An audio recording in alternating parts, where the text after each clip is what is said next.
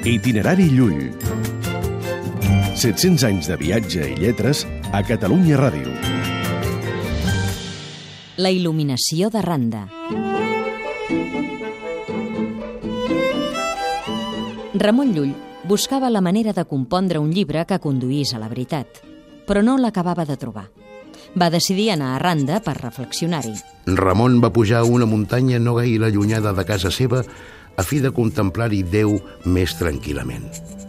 Quan encara no hi havia estat una setmana, succeí un cert dia, mentre mirava atentament al cel, que de sobte el Senyor il·lustrà la seva ment, donant-li la forma i manera de fer el llibre contra els errors dels infidels. Acabava de néixer l'art de Ramon, el seu sistema per trobar i demostrar la veritat. Una de les creacions més extraordinàries, més peculiars i més agosarades de la ment humana. Itinerari Llull.